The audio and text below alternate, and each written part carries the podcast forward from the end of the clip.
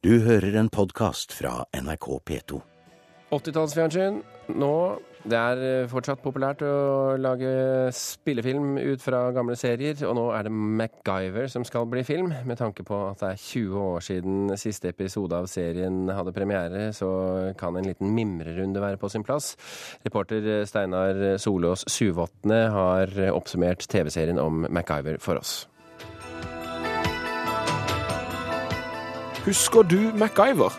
TV-serien om pasifistagenten som kunne sno seg ut av enhver knipe ved hjelp av tyggis, binders og sin kjære lommekniv. Nå er han tilbake. Anerkjente Hollywood-reporter kan fortelle oss at spillefilmen om den hemmelige agenten nå er på trappene.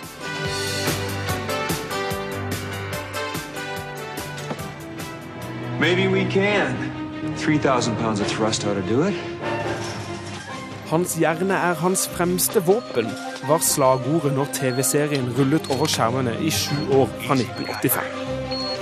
Like it might be a thermite bomb. Can you defuse it? Med hockeysveis og syrevaska olabukser reddet MacGyver dagen for kvinner, barn og minoriteter i nød. Ofte med storkapitalen eller østblokkland som den store skurken og alltid med et klimaks hvor kløktig bruk av tilfeldig plasserte hverdagsobjekter var redning. Why are you taking your pants off? You got a better idea? I'm still trying to figure out what yours is. Programmets kultstatus har vært økende siden det ble tatt av lufta i 1992.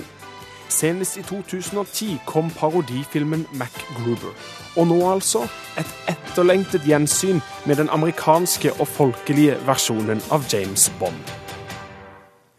Det var et tilbakeblikk på MacGyver og Vegard Larsen, programleder i Filmbonanza. Er det fantastiske nyheter at eh, MacGyver nå blir spillefilm?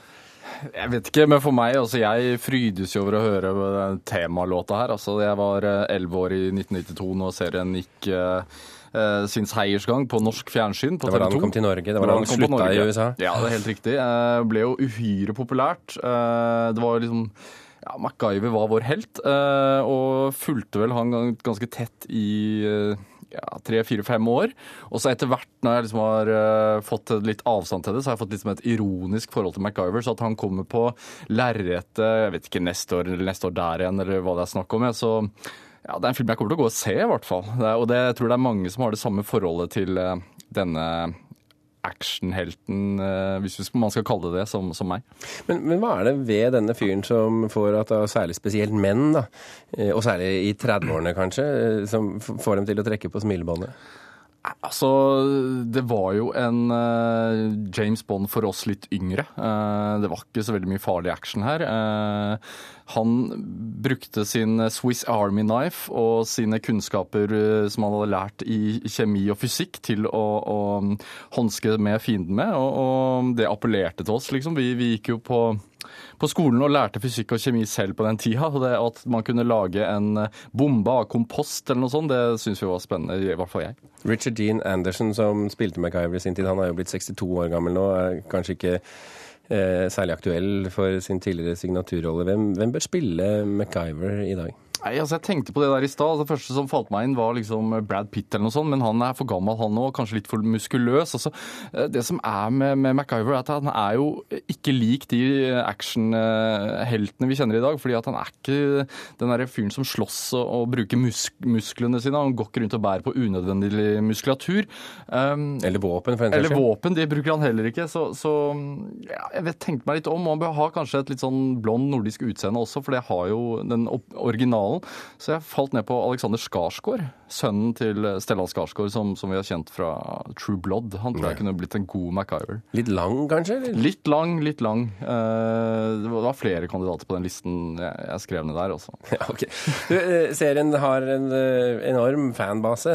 Hvilke reaksjoner har i dag kommet på nyheten om gjensynet med actionhelten? Det har vært uh, hurrarop på Twitter og, og på hva skal man si, nerdefilmsider verden over. Uh, og det, Diskusjonen har gått høyt og lavt om hvem som vil spille han, og om det i det hele tatt er en god ting at uh, bli, eller at serien skal bli filmatisert. Men vi har blitt vant til at kjente og kjære 80-tallsserier blir til film. Også, vi har sett A-Team har kommet på det store lerretet igjen de siste årene, og, og 21 Jump Street, som hadde premiere rett ved juletider, er også en serie som gikk på TV i USA på 80-tallet, som er blitt film. Er det vellykket? Uh, ja, jeg syns i hvert fall 21 Jump Street var en vellykka filmatisering, uh, og likte den godt.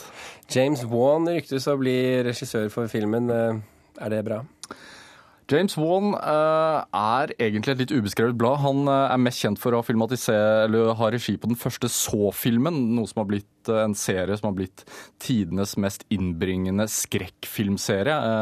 og en serie som er stappa stoppa med grusom vold, så at han skal uh, lage uh, MacGyver, en, uh, en, film om en fyr som ikke bruker vold i det hele tatt, er litt spesielt. Men, det blir morsomt. En utfordring for han også.